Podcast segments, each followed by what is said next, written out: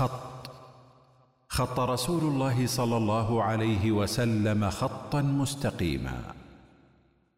بسم الله الرحمن الرحيم. الحمد لله والصلاة والسلام على رسول الله وآله وصحبه ومن والاه. أما بعد السلام عليكم ورحمة الله وبركاته. وعليكم السلام مرحبا دكتورة. حياك الله. في الحلقة الماضية تكلمنا عن العلم الزائف وخصائص التجربة الصحيحة المضطردة وفي المقابل تكلمنا عن خصائص العلم الزائف وأنه متحيز وأنه آه، غير شفاف يعني آه، لا غير محايد ممكن أن يخفي التجربة وإلى آخره من الخصائص الحقيقة التي يجدر بالمستمع آه، أن يرجع للحلقة السابقة لأهميتها. اليوم يعني نكمل هذا الحديث وفيه نقطة مهمة جدا وهي هل العلم الزائف هو العلم الشعبي؟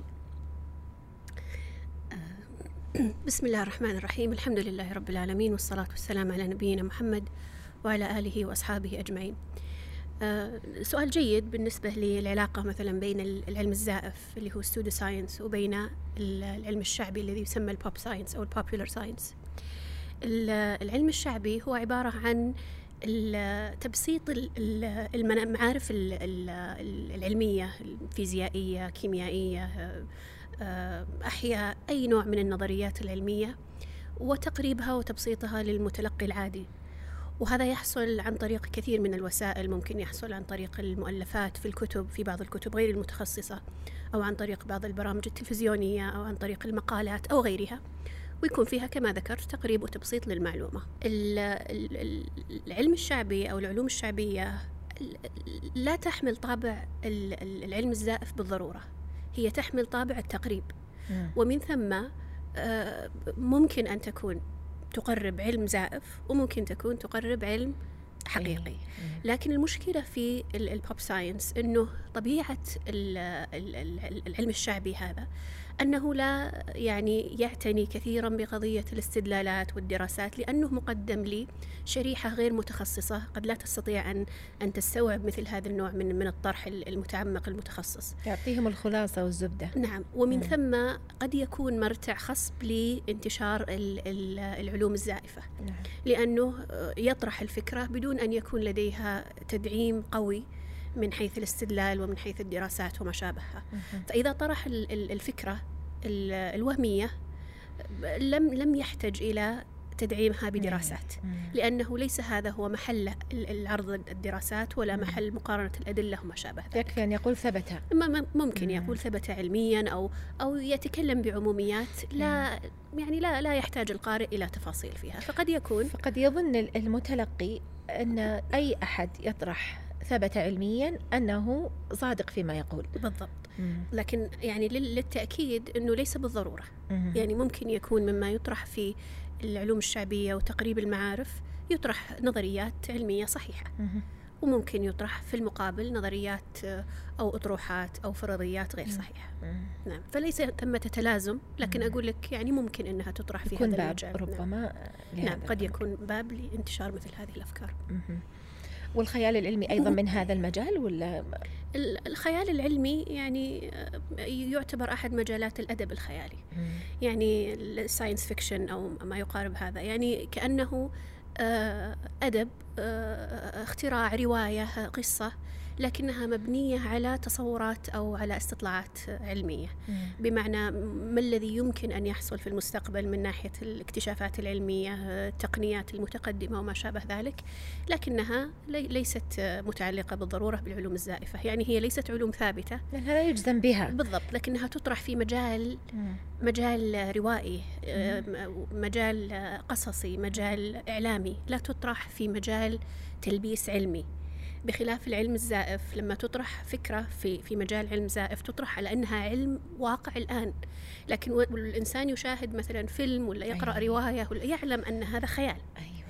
ففي فرق بينهما وإن كان هذا يطرح على أنه علم في في الخيال العلمي لكنه يعني فيه يعني خلفية مسبقة قبل أن أن يقرأ ولا قبل أن يشاهد الإنسان أنه هذا ترى خيال أيوة. ترى هذا فيلم ولا ترى هذه رواية ولا ليس هذا واقعا ففي النهاية ينتهي بمجرد ما يغلق الإنسان نعم بالضبط. هذه الرواية أو يغلق. بالضبط. بينما آه، أصحاب العلم الزائف يقر يطرحونه كعلم مقرر وقطعي و آه، يعني يهاجمون من آه، يخالفهم بأن بأنك من أعداء مثلا الخيال العلمي أو أنك من أعداء ال- التقدم العلمي. بل أشد من ذلك من أعداء العلم.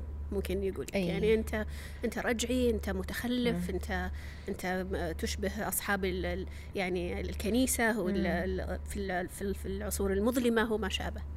وفي الواقع لا- لست تهاجم العلم أنت تهاجم العلم الزائف أي. تنتقد العلم الزائف. ممتاز. بالعكس يعني انتقاد العلم الزائف في الحقيقة هو مدافع عن العلم. صحيح. يعني هو تنقية للعلم هو هو غيره على العلم في الحقيقة. أي نعم فما يمكن أن يقال أنه محاربة للعلم إنما هو محاربة للخرافة أي نعم وهذا يتفق فيه المفترض المتخصص بالعلوم الشرعية والمتخصص في العلوم ال- ال- التجريبية. الطبيعية التجريب التجريبية نعم. جيد هل يمكن أن يدرس العلم الزائف في الجامعات؟ آه يعني كإجابة مختصرة ممكن مم. ممكن يدرس في الجامعات لكن كجانب من الهوى مثلا. لكن كيف ممكن يدرس؟ يعني إما أن تكون الجامعات ترى الجامعات تتنوع وتختلف. في جامعات لها توجه آه، فلسفي مثلا روحاني آه، لا تهتم بالجانب التجريبي ولا ولا تقوم على المنهجية التجريبية.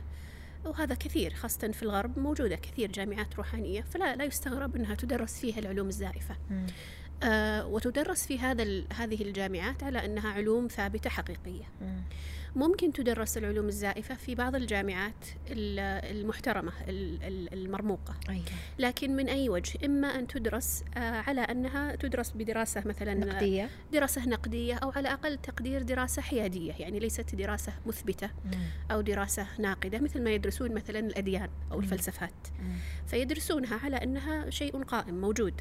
لا ليس على أنه شيء ثابت نعم ففي فرق بين هذا وهذا. وفيه طريقة أخرى أيضا إن أنها تدرس في الجامعات لكنها بعقود خارجية. هذا يحصل أحيانا. آه. فيكون التدريس ما هو من قبل الجامعة ولا بإشرافها لكنها كأنها تؤجر قاعاتها أو أو تتيح الفرصة مثل ما ذكرتي في الحلقة الماضية حينما ذكرتي أنه بعض التجارب تجرى في أي حرم صحيح الجامعة صحيح ولكنها لم لا لا علاقة لها لا بالجامعة علاقة لها. بالجامعة فيلبس على الناس يلبس كأنها الناس. تجربة أيوة. علمية وكأنها بالضبط وأحيانا تعقد مثلا زي الأنشطة اللي تكون خارج ال خارج خارج ال يعني ال ال الإطار الأكاديمي فتدرس فيها أمور متنوعة يعني كثيرة لا علاقة لها بالبنية الأكاديمية للجامعة نفسها. ومن ضمنها ممكن يدرس مثلا ال- الأيرفيدا ولا تدرس مثلا الإبر الصينية ولا ولا غيرها من هذه التطبيقات. حينما حينما حينما يعني يتهجم أصحاب هذا الفكر ويقولون أنتم ما تفكر ما, تفكرون خارج الصندوق أو نحو هذا الكلام أو ما تدعمون الخيال العلمي أو غيره أو يقولون مثلا آه ستتراجعون عن قولكم هذا وأقوالكم اليوم اللي أنتم قاعدين يعني تهاجمون فيها أو أو تحرمون فيها أو تنقدون هذه العلوم الزائفة من نواحي اعتقادية ستتراجعون عن أقوالكم بعد سنوات حينما تثبت هذه العلوم آه، قطعيتها مثلا وجودها مثلاً. أي ما- ماذا يرد على مثل هذا الكلام؟ يرد على هذا أنه مثل هذا ال- الإطلاق محال مم. يعني ما يمكن أن يقال أنه سيثبت بعد آه، عشرين سنة ثلاثين سنة آه، أن الوجود واحد وأن. الخالق والمخلوق شيء واحد مثلا. لا يمكن أن يقال بعد مئة سنة أن, أن يكون الإنسان هو الموجد لواقعه وقدره نعم. على سبيل المثال لا يمكن أن تكتشف مثلا طاقة هي الوجود ال- الكلي أو هي الوجود المطلق لا يمكن نعم وهي سبب هذه- الشفاء والسعادة نعم، والخلاص هذه والعبودية الأمور- ونحو ذلك هذه الأمور مم. اللي هي موطن النقد تحد نعم، تحديدا في. هذه في هذه الممارسات ممتاز. وهذه الأفكار مم. هي أمور قطعية البطلان لا ممتاز. يمكن أن يأتي يوم ويثبت خلافها جيد ما نتكلم إحنا عن ال يعني ال مثلا طريقة معينة علاجية أكلة معينة ولا عشبة معينة ولا كذا ما هذه نقول نتوقف في إثباتها حتى يرد الدليل. لكن ما كان فيه مخالفة للاعتقاد فهذا نستطيع أن نجزم قطعا أنه لن يأتي زمان ويثبت خلافه. نعم. نعم. نعم. أحسنتي. يعني إذا الزاوية التي ينقد آه، بها أو ينقد آه، العلم الزائف منها يجب أن تعرف تحديدا وهي وجه المخالفة الاعتقادية فقط ولذلك لا يمكن أن ننتقد مثلا الخيالات العلمية أو الأمور التي لا لا وجود لا لا حظ لها من العلم حاليا يعني أو لا إثبات لها علميا لأن هذا ليس مجالنا اطلاقا. نعم، صحيح ولا ليس ونحن. لا نريد أن يعني ليس هذا هو مجال نقدنا اطلاقا أنه ثابت أو لم يثبت أو أو فيه غرابة أو خيال أو يعني سبب غريب جدا مثلا هذا ليس هو مجال نقدنا. مجال النقد هنا هو وجه مخالفتها للاعتقاد تحديدا. هذه نقطة مهمة لأنه يكثر التشغيب ويقال أنتم ستتراجعون حينما يكتشف. نقول طيب نحن أولا لسنا الوحيدين في الساحة الذين نهاجمكم أو ننتقدكم فإن أهل العلم التجريبي أيضا ينتقدون خرافاتكم ولا. يقيمون لها وزنا ولا يعتبرونها ضمن العلم إطلاقا. وهم ينتقدونها لأنها مجازفة ولأنها لم تقم على دليل صحيح. ولأنها تربط آه، تربط يعني إن صح التعبير هذا الخيال العلمي أو نحوه تربطه بأمور فلسفية واعتقادية لا يمكن أن تثبت في يوم من الأيام. صحيح. طبعا آه، هذا هذا جانب يعني مسألة الجانب الن- النقد ال- الاعتقادي هذا مم. جانب. لكن برضو يجب أن نضع في الاعتبار أنه هناك نقد أيضا من جهة أخرى يشترك فيها ال- المختصين بال- بالعلوم التجريبية والمختصين بال- بال- بالعلوم الشرعية خاصة علم الاعتقاد. المسلم بشكل عام لا يلزم نعم. أن يكون مختص مهم.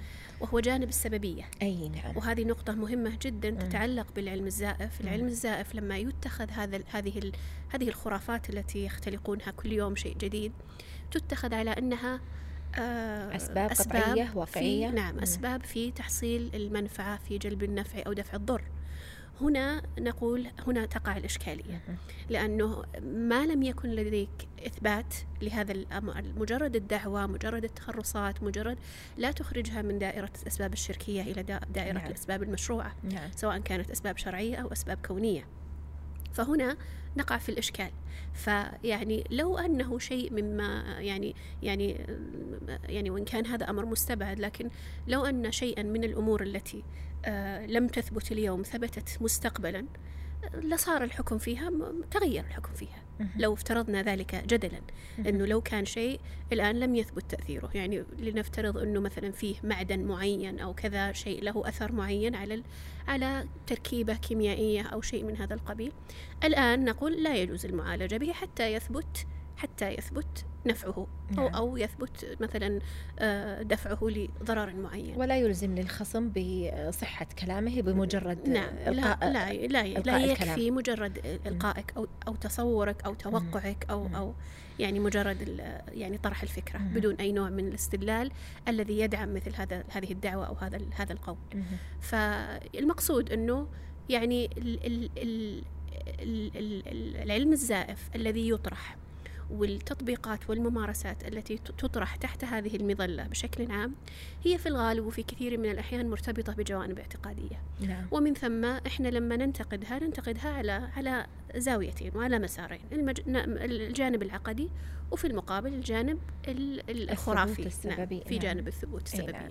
فإذا لم تثبت فليس لك حجة فليس لك حجة حتى نعم. تثبتها أو حتى تبين تثبتها أو آليتها أو تبينها. لأنه الآن حتى لما يجينا أحد ويقول لنا مثلا العلاج مثلا بحجر مم. الآن لا يوجد لديه أي نوع من التفسير نعم ال- ال- المنطقي أو التفسير الحسي لطريقة التأثير. صحيح. إلا يعني- التفسير الفلسفي الاعتقادي. إلا التفسير الفلسفي الذي لا ما هذا التفسير الفلسفي الاعتقادي ما ما يعني ال- ال- المعارضة عليه مستديمة دائمة ما غير ممتاز. لكن أنت تقول لي والله نبي نحط حجر في كذا ولا نوع من ال ال ال الأملاح ولا نوع من المعادن في في غرفة ولا في المشروب ولا في المطعم ولا في يعني وين ما الدليل على ذلك؟ طب فسر لي أنت كيف تؤثر لما أضع الحجر هذا في في غرفتي؟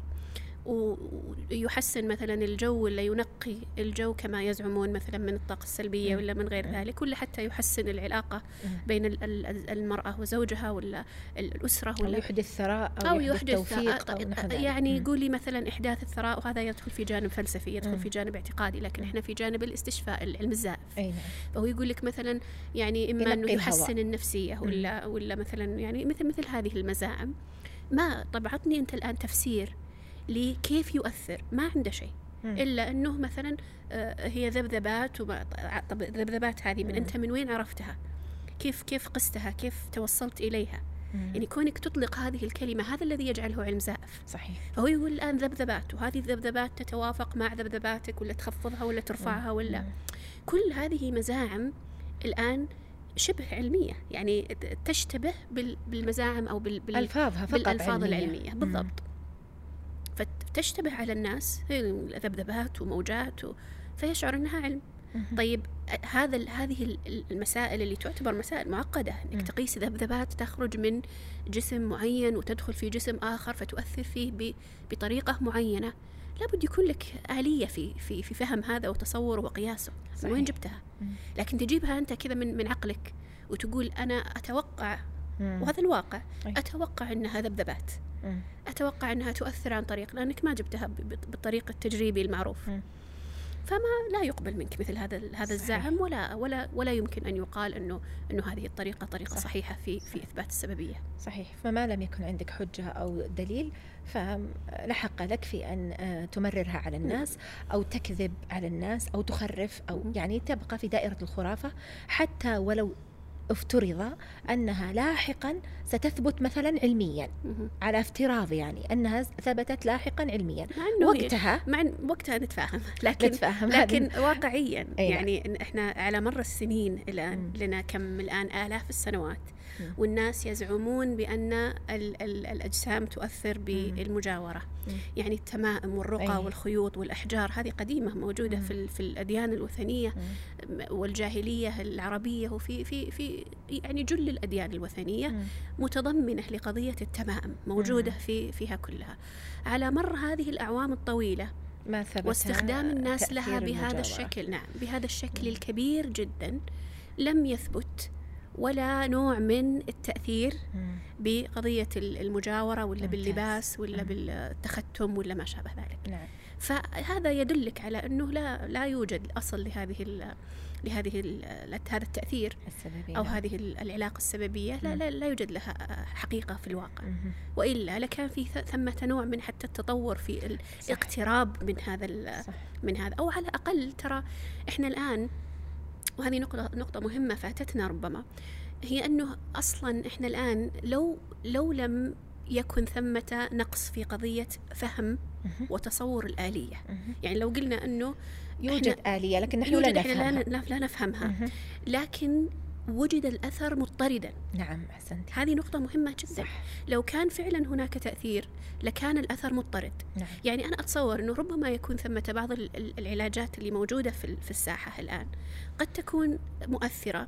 وقد لا يعرف تحديدا آلية عملها. نعم صحيح. لكنها بالتجربة المتكررة صح. والاتباع المنهجية العلمية في الفحص وال- وال- والاستدلال. وجد أن لها أثرا وجد أن مضطردا. لها أثراً لا يتخلف.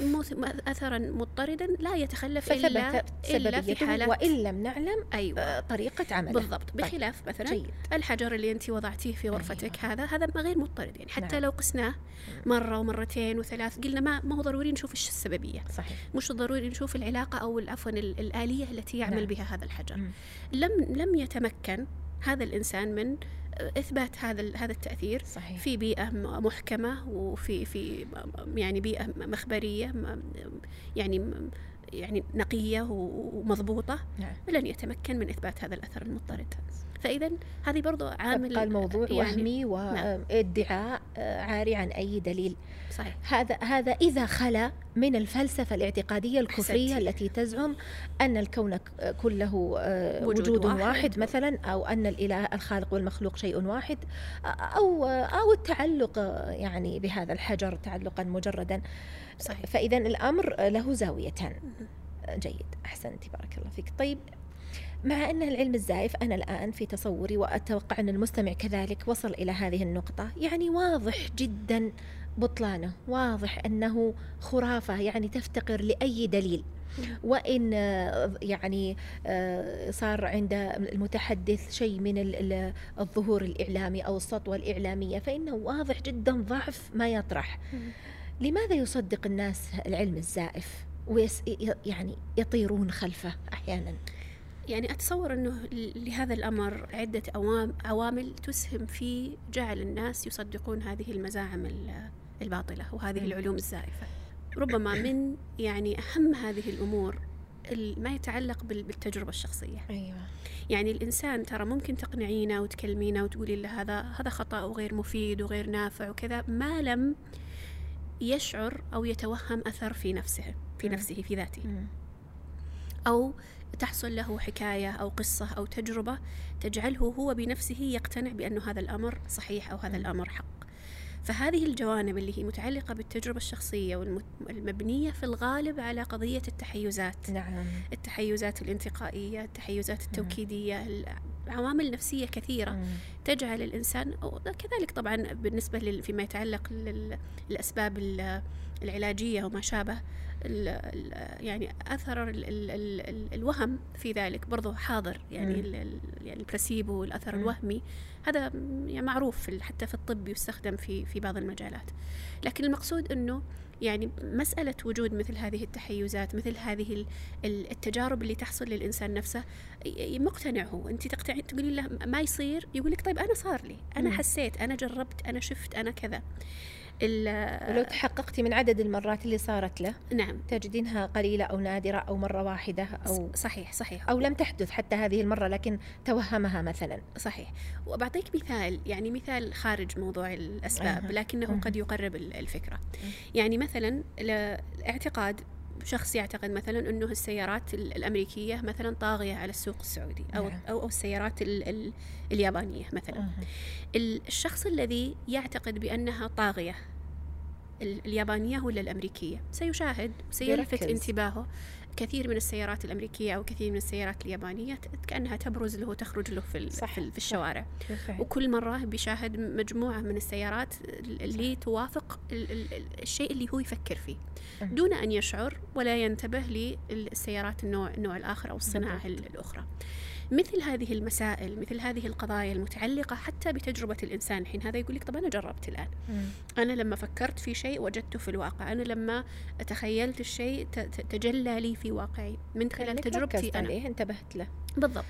لكن وش الحل في مثل هذا؟ مم. مثل الحل هذا مثل الحل حل في مثل هذه الأنواع من يعني التحيزات, التحيزات أو مم. التخيلات هو الضبط بالإحصاء. نعم. يعني لو إننا جلسنا مثل هذا ورقة وقلم امسك ورقة وقلم سجلها الآن سجلها مش مرة ولا مرتين ولا ثلاث مرات وممكن يكون ترى توقعك صحيح يعني ممكن نعم. انه فعلا يتفق مع مع الواقع يعني نعم. انت تقول السيارات اليابانية طاغية وفعلا تكون طاغية في في, في الساحة فتكون على المهم إنك اثبتها بإحصاء نعم. وليس بمجرد التوقع, التوقع ولا بمجرد التوهم ولا مجرد صح. المراقبة غير صح. غير المنضبطة فإذا جينا للممارسات اللي هي تصنف على أنها ممارسات وهمية ممارسات علوم زائفة نفس الشيء. الأمر يكون بطريقة انتقائية تحيزية. يعني يميل إليها الإنسان يقبلها الإنسان من تجربة خاصة فيقتنع الإنسان بها بهذه وفي الغالب ما يقتنع بها إلا إذا كان هو أصلا في حالة ضعف أو في حالة حاجة معينة فهو أساسا يلجأ لمثل هذا الأمر لأنه يريد ما يسد حاجته أو يريد ما آه، يعني صحيح. ويعني ممكن أقرب لك برضو هذا بمثلا ما, ما يعرف بالجرافولوجي ولا تحليل الخط. أي نعم. يعني لما نجي لتحليل الخط يعني يعني ممكن إنه اللي اللي بتشوفينه في الساحة واللي موجود الآن هو عبارة عن عبارات عامة إجمالية في كثير من الأحيان محبذة للإنسان صح. يعني ممكن يقول له أنت شخص تحب الخير للآخرين مم. أنت شخص تبذل أنت تحب التضحيه أنت شخص مثلا تتعاطف أحيانا تغلب رحمتك للآخرين على بثبتها أيوه بالضبط. فالإنسان يكون لديه آه، يعني ميل وشغف للإتصاف بمثل هذه الصفات. المدح. فيها مدح وفيها إجمال. أيه. فيعني يميل إلى أو أو يكون فيها مجموعة من الصفات اللي فيها مدح ويجي واحدة كذا صغيرة فيها نقد يقبلها الإنسان في مم. في إطار أو في مم. في هذه المجموعة من من من العبارات المادحة. ما ما يخالف. أعطيني ست امدحيني ست وانتقديني في واحدة. ما في إشكالية. بتقبلها أنا نفسيا. مم. حتى الجانب النقدي أحيانا يصاغ بطريقة بطريقة ذكية تجعل الإنسان برضه يعني يتقبلها. فمثل هذا يعني لما يقول أنت تحب الخير للآخرين كل أنا بالضبط. ما في أصلا حتى الذي لا يحب الخير للآخرين يتوقع من نفسه يتوقع ذلك. أنه يحب الخير أيوة. للاخرين ما راح ولا راح يعترف لا أمام الآخرين ولا حتى أمام نفسه إنه والله لا أنا أنا ما أحب الخير للآخرين فهذه بالض... كأنها بالضبط الرجم في بالتحليل الشخصيات مثلا بالأبراج أو نحوها لما يقول لك أنت ستح يعني آه، لما يتكلم عن المستقبل. بحسب برجك فيقول لك سيحدث لك خلال هذا الأسبوع أحداث سعيدة أيوة. كل الناس يا تحدث عندها أحداث سعيدة ولا ولا تعيسة صحيح. هم اثنين أصلا أيوة. والأسبوع طويل. يا بيحدث هذا وبيحدث هذا. وال- والسعادة نسبية. يعني أساسا يمكن لو تدخل علي صديقتي حسيت هذه حدث سعيد. بالضبط. ولو يصير لي أدنى شيء بسيط جدا يصير أسميه حدث سعيد تصوري يعني انت لما لما يكون الإنسان مقتنع مم. مثلا ومتهيئ نفسيا إنه أيوة. بيحصل له شيء سعيد أي. أو في المقابل بيحصل له بيأتي خبر سيء قد يفتعل قد مش بس يفتعل يعني يتصور إنه هذا الشيء فعلا خبر سعيد, سعيد. وهو عادي دايم يصير وهو أيوه وهو. ليس شيء ليس شيئا خارج عن المعتاد ويعني وقد انتبه له أنه أنه شيء سعيد يعني. جاء مثلا الولد وقال يعني يا ماما اليوم أخذت مثلا عشرة في الاختبار وهي كل يوم تسفها واليوم- فيعني هذا الآن صار يعتبر خبر سعيد نعم. بالنسبة لها وثبتت إنه والله أخبرني الكاهن بأنه أي. سأسمع خبر سعيد أيوة. اليوم وهكذا خبر تعيس نفس الشيء يفسر. أي شيء والله ال- ال- السواق قال بسافر ولا ما أعرف إيه ممكن يصير هذا في شيء في أي في نعم. أي أسبوع وبالفعل أنا لما قرأتها لقيتها أشياء عامة جدا مم. عمومية بس تغير الأساليب يعني هذا يعطى عبارة وهذا يعطى عبارة مم. مختلفة وهي لما تصفينها مع بعض تجدينها كلها من مجال واحد صحيح أو من جنس واحد كنت أشاهد حقيقة واحد من من الملا- من الملاحدة المعروفين واحد اسمه مايكل شرمر يمكن تعرفينه يعني نعم. ك- يعني له دايم مواجهة مع مم. ويعني له يعني لقاءات وحوارات مع ديباك شوبرا نعم. أشرت إليها في حلقات سابقة أي نعم لكن كان له حلقات قديمة سجلها. لانتقاد ال- المحللين بالخط أي فكان جاب واحد وحدة تحلل الخط يعني تعتبر امرأة يعني ماهرة في هذا وكانوا يتعاملون معها مم. شركات كبيرة جدا في مسألة التوظيف مم. والتوظيف عندهم يعني يذكر ال- ال- الرجل اللي قابلت اللي قابل معه نعم أن أن الوظائف تتفاوت ما بين مثلا يعني ما أعرف ستين ألف إلى إلى مئتين ألف دولار سنويا يعني مم. تعتبر وظائف آه، مرموقة إلى حد مم. ما يعتمدون في هذه الشركة على ما تقوله هذه المرأة في تحليل الخط. يعني هل هل هذه هذا الشخص مناسب لهذه الوظيفة ولا غير مناسب لهذه الوظيفة يقبلون ويستبعدون بناء على ذلك وهذه طبعا مصيبة. فيما يتعلق بال- بالمسألة يعني هو إيش معناها أصلا تحليل الخط يعني معناها أنه أنا أشوف خطك. اللي أنت كتبت فيه سطرين ولا ثلاثة ولا عشرة أسطر شخصيتك بناء على وأعرف. شخصيتك بناء على ذلك طبعا هذا مصنف على أنه من العلوم الزائفة. لأنه لا يثبت بالمنهجية العلمية في مسألة الربط بين الخط خط اليد وبين الخصائص الشخصية للإنسان سواء كانت ميزات ولا عيوب ولا ولا حتى أحداث ولا غير ذلك. فما في فما في نوع من ال- الرابط. أيضا يدخل في تحليل الخط التكهن بالأحداث المستقبلية. يدخل فيه. ممكن نعم. يحصل فيه. تكهن بأحداث مستقبلية أو ماضية أو, أو علم ماضية أحداث ماضية. أو أحداث حدث حالية لك كذا. نعم. أو حالية غائبة نعم. أو شيء متعلق بالشخصية والخصائص الشخصية. أي نعم. تماما مثل الأبراج. نعم. يعني نفس الشيء طريقة الأبراج المستقبل الماضي الحاضر الغائب أو خصائص الشخصية نعم كلها ممكنة ليست كلها موجودة عند كل من يحلل الخط. لكنها موجودة في, نعم. في هذا العلم بشكل عام مم. المهم فكان مما مما طرحه إنه جعل يعني طلب كان عنده ثلاث ثلاثة أشخاص واحد شاب صغير وواحدة امرأة معلمة وواحد آه، رجل آه، رياضي يظنه فايز بالدرجة الأولى بال- بالجري أيوة فقال لها حللي جاب لهم خلاهم يكتبون ال- العبارات وقال لها حللي لهم هذه ال- الشخصيات. حللت شخصية المرأة فالمرأة كانت لديها قناعة وكذا وأعجبت وأعجبتها التحليل وقالت فعلا موافقة لشخصيتي. لما جاءت لتحليل ال- الشاب الولد قرأت جاب مايكل شيرمر جاب ال- ال- التحليل الذي جعلته هذه المرأة المحللة لمايكل شيرمر آه. عرفتي كيف يعني جاب جاب تحليل خطه هو خطه هو لل ال- الشاب للولد أم. للشاب الولد وقال يعني وقرأها عليه وكان فيه بعض الخصائص المدح وكذا وال وأعجب أهل الولد والله وقال مطابق أيوة لشخصيتي. قال فعلا مم. فعلا أنا أشعر لأن قال أنت أنت مثلا تحب الحركة وتحب الكذا وما أعرف إيش ويعني جاب كلام جميل وفيه امتداح مم. قال إيوه قال ترى هذا ما هو أنت ترى هذا أنا مم.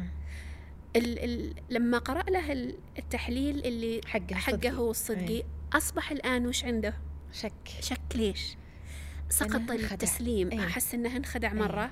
فصار الحين عنده نقد. نقد. نعم. تولد عنده آه يعني يعني شعور بإنه ما ما ما, ما, ما تخدعني مرتين. أي نعم. فقال الآن بدأ يقرأ عليه صار يقول هذا شيء عام ممكن وهذا- وهذا يعني آه. ينطبق على كثير من الناس وهذا مو صحيح وهذا أصبحت نظرته مختلفة.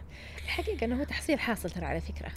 وش- أنا. مره أنا مرة ما طلبت من وحده تحلل شخصيتي ولا شيء أي. كنت موقعت لها على شهادة وخذتها وراحت وكانت يعني مبتدئة جدا يعني ما هي طيبة جدا لكنها تظن إن هذا شيء حق أي. فرجعت لمي قالت لي تسمحي لي أحلل شخصيتك من خطك أي. قلت وين خطي؟ شفتيه بس. قالت توقيع. قلت يا كافي شخصيتي كلها. وأنا الحين بهذا العمر. أي. بتحللينها بتوقيع؟ أي. هالتوقيع يمكن موقعته مالي نفس بالضبط صحيح. فقالت انت قائد. قلت أصلا أنا الحين قاعدة على مكتب وانت حاطة في بالك إني قائد. انت قائد وانت وانت وانت. ونفشتني بكم كلمة تنطبق على ألف واحد. صحيح. وأنا بقبلها لأنها حلوة جاية حلوة. جاية لو انك لو. إنك ما عندك خلفية شرعية في في. مسألة النقد هذه الفكرة لا كنت ممكن تقبلين كثير منها. ولا فيها شيء يعني ليس عاما عام صحيح. ممكن يدخل فيه آلاف البشر آلاف البشر وممكن أي أحد يتقبلها أنا ربما ذكرت لك برضو مم. الحكاية مرة كنت آه، يعني طلبت من إحدى الأخوات كانت كنا ألقينا دورة وكانت في واحدة من الحاضرات آه، من الأخوات كانت لديها اهتمام بتحليل الخط. فهي تأثرت كثير بال عموما ما كانت الدورة عن تحليل الخط لكن هي تأثرت قالت أنا بجيب لك كل مذكراتي آه. خلاص أنا ما عاد أبيها وأنا ما, ما لا أريد أن أخوض هذا المجال. المهم جابتها لي فصرت يعني استفدت منها في في, في من الناحية البحثية. فصرت أقرأ فيها وكذا وأخذت خط واحدة من صديقاتي وخطي وحللت شخصية نفسي. مم. بناء على الميم والصاد. والراء وال- الميم كذا والصاد. كذا وإلى آخره. وحقيقة كلها افتراضات. لا يوجد لها أي نوع من المستند الجزء العلوي من الكلام بالفعل. هو عن التفكير الجزء ال- الأوسط من ال- الكتابة هو عن مثلا ال- ال- الحياة المادية والجزء السفلي هو عن الغرائز وال- والميول والرغبات يعني ما أنا اتعجب من بعض العقلاء كيف يصدق مثل هذا التركيب يعني مركب على وش بعض الدليل من وين جبته هذا يعني أنها إسقاطات ساذجة مم. طفولية حقيقة مم. على تحليل الخط المهم. فكنت أنا عملت تحليل كامل لخطي وجالسة أكلمها بالتليفون قديمة وأقول لها شوفي اقرأ بقرأ عليك. وكنت أخذت منها تحليل خطها كنت بحلل لها بشوف برضو بقارنها. طبعا من ناحية بحثية هذا ترى ما هو يعني المقصود يعني مم. هذا من من قبيل آه، يعني آه، ما خبأ- الحجة بالضبط، يعني، هذا نعم. من قبيل قول النبي صلى الله عليه وسلم ما خبأت لك. نعم. فالمقصود إنه آه، قرأت لها تحليلي أنا قالت والله سبحان الله كأنه أنا قلت أنا ما كنت أقصد ترى يعني لم أقصد ال- أني أبدل. إني أبدل. أنا كنت بقولها وش رأيك؟ يعني هل ترين أنه فعلا متفق مع شخصيتي؟ وهي ظنت إنك وهي تقصدين ظنت إني شخصيتها. بديت بخطها. آه. فقالت بالضبط فعلا شخصيتي. قلت يمي ما هي شخصيتك. هذه الآن أنا أقرأ أنا أقرأ نفسي وأنا شخصيتي تختلف ترى عن مم. عن شخصيتها. فهذا يدلك على إيش؟ على إنه الإنسان إذا هو متهيئ ولا خالي الذهن. لو نعم. لم يكن متهيئا للقبول. أنه يقبل مثل هذه الأمور العمومية التي فيها أحيانا مدح وأحيانا لا يوجد فيها ولا عموميات عموميات. يعني تنطبق على كثير من البشر. نعم عجول يحب الخير. في بالضبط وكنت في تلك الفترة برضو ذكرتها لأحد ال- الأشخاص فقلت يعني أنه يعني خطك الآن يظهر أنك إنسان آه، كتوم. الإنسان مثلا ما هو كتوم. قال يعني كتوم للشيء اللي ما ينقال. والش... ها كل الناس كذا آه. يكتمون الشيء اللي ما. ينقال والشيء اللي صح. يعني يعلن ما يكتمون يعني ما فهمتي كيف تلوى نعم. وتضبط ويعني صح. يعني كأنها ت- يغصب الواحد نفسه علشان تنطبق عليه مثل هذه صحيح. ال- طب أنا عندي سؤالين مهمين جدا لعلنا آه، تصير نهاية هالفقرة هذه عشان ننتقل لفقرة أخرى آه، السؤال المهم الأول لماذا طيب ننتقد؟ يعني إذا هذا إذا كان هذا تحليل الشخصيه بهذه الطريقة يعني ألا يمكن أن يصنف ضمن مثلا علوم زائفة ولا دجل ولا تخرص بدون ما ننتقده من ناحية عقدية. ما الإشكال العقدي فيها؟ طبعا يعني موضوع تحليل الشخصيات وموضوع الإشكال العقدي فيها هذا موضوع يطول لأننا نفرد له حلقة. أيوة. لكن غالبا لما إحنا نقول يعني التخرص مثل هذا ومثل يترتب عليه المشكلة أنه يترتب عليه دعاوى غيبية في كثير من الأحيان مم. تكهن يعني بالمستقبل إحنا حتى لو لم يكن تكهن بالمستقبل يا هنا مم. الآن لما أنا أجي أقول لك أنا شخص لا أعرفك مم. ثم آتي وأقول لك أنت إنسانة مثلا آه، شغوفة بالعلم مم. هذا بالنسبة لي شهادة ولا غيب أنا ما أعرفك غيب. ولم أشاهدك ولا أعرفك إطلاقا أحيانا بتويتر مثلا يرسلون خطوطهم يروح طيب. يحللها هو فيحللها هو بناء على إيش؟ بناء على هذا ال هذا ال هذا ال هذه القرينة التي ليست هي قرينة لا قرينة منطقية ولا. قرينة فصار فيه فيه فيه من يعني فيه نوع من دعوى الغيب نعم حتى وإن كان قضية في تحليل الشخصية. الآن يعني ما ما في لا فيه توجد- نوع من الثقة بهذا الشخص وتضخيم هذا الشخص أحسنتي. واعتقاد أنه يعلم شيء لا نعلمه.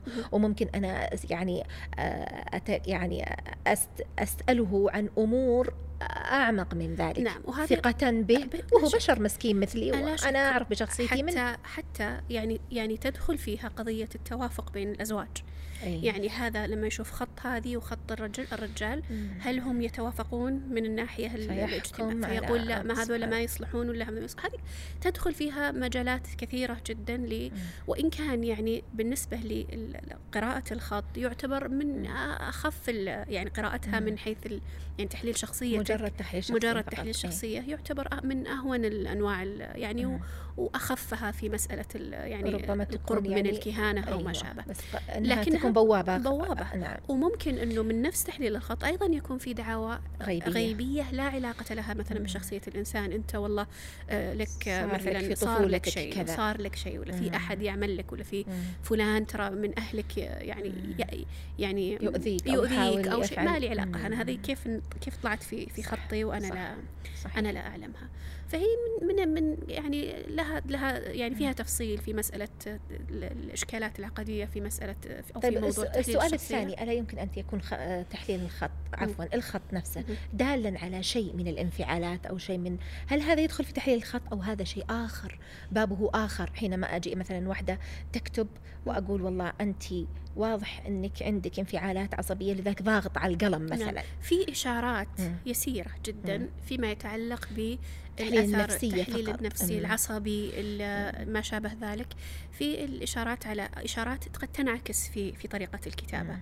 يعني الخط مثلا مرتعش يدل على أنه اليد مثلا خايف. ما في خو قد أو- أو يعني مريض كله ظني أو- ترى يعني يظل قرائن قرائن قد تجمع ضعيفة. بعضها أحسنتي. فتقوى ببعضها بالضبط ممكن ممكن يعني ممكن يعني ضاغط على الخط وممكن يكون ليس كذلك مم. يعني كنت أفكر أقول يعني لما أنا أشاهد هذا ال- ال- المقطع المتعلق بال- بالوظائف هذه اللي مم. الكبيرة جدا التي تعتمد على الخط مم.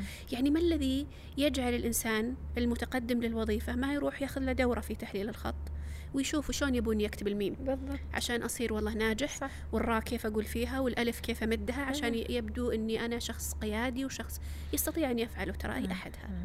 فأكتب بالطريقة الخط اللي هم يريدون أن أن أن أن يؤهلني للوظيفة دون أن يكون لدي المؤهلات ال- صح. التي فعلا تؤهلني لذلك. صحيح. يعني إذا الجرافولوجي مختلف تماما عن مجرد ضغطة قلم أو غيرها لا, لا، الميم لها دلالة لها معينة دلالة ولما ترسم بشكل حاد فهي لها دلالة أحسنت. معينة وإذا رسمت بشكل مع أن الإنسان قد يكون مقلد لغيره وقد يكون يعني صح، ممكن يكون له أكثر من خط وممكن يكون له. صحيح مم. آه يعني آه يعني في أمور كثيرة طبعا متعلقة بتحليل الخط لكن آه يعني من ال من ال من الأمور المهمة اللي ودي أذكرها هنا في. هذا يعني ذكرناه إحنا استبقنا لكن.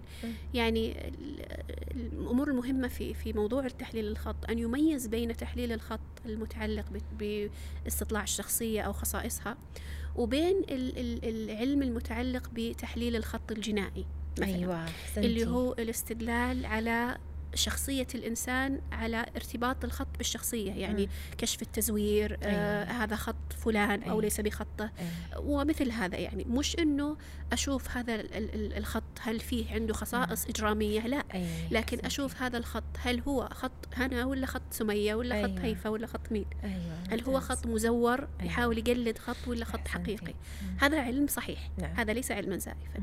لكن تحليل الشخصية هذا يصنف ضمن العلوم الزائفة والتي تفتح بابا أيضا لادعاء الغيب أو لادعاء علم الغيب. آه وممكن نفصل فيها إن شاء الله لاحقا. ممتاز. بقي بقي بس يعني نقطتين مهمات نعم. فيما يتعلق بالأسباب التي تجعل الإنسان أيوة. تجعل الإنسان يقتنع. يصدق نعم أو يصدق. من ضمنها المحافظة على الخسائر. يعني آه، أحيانا الإنسان يعني يدفع مبالغ كبيرة جدا فيريد أن يكون هذا الذي انهمك فيه ودفع فيه خسارة مالية أو خسارة زمنية أو بذل فيه جهد ووقت. يريد أن يكون صحيح. مردود. أو يريد أن يكون حق. يعني ما يريد إنه بعد كل هذا الجهد الذي بذلته وكل. ويجي يطلع كل هذا لي سنتين وأنا أحضر هالدورات تطلع غلط.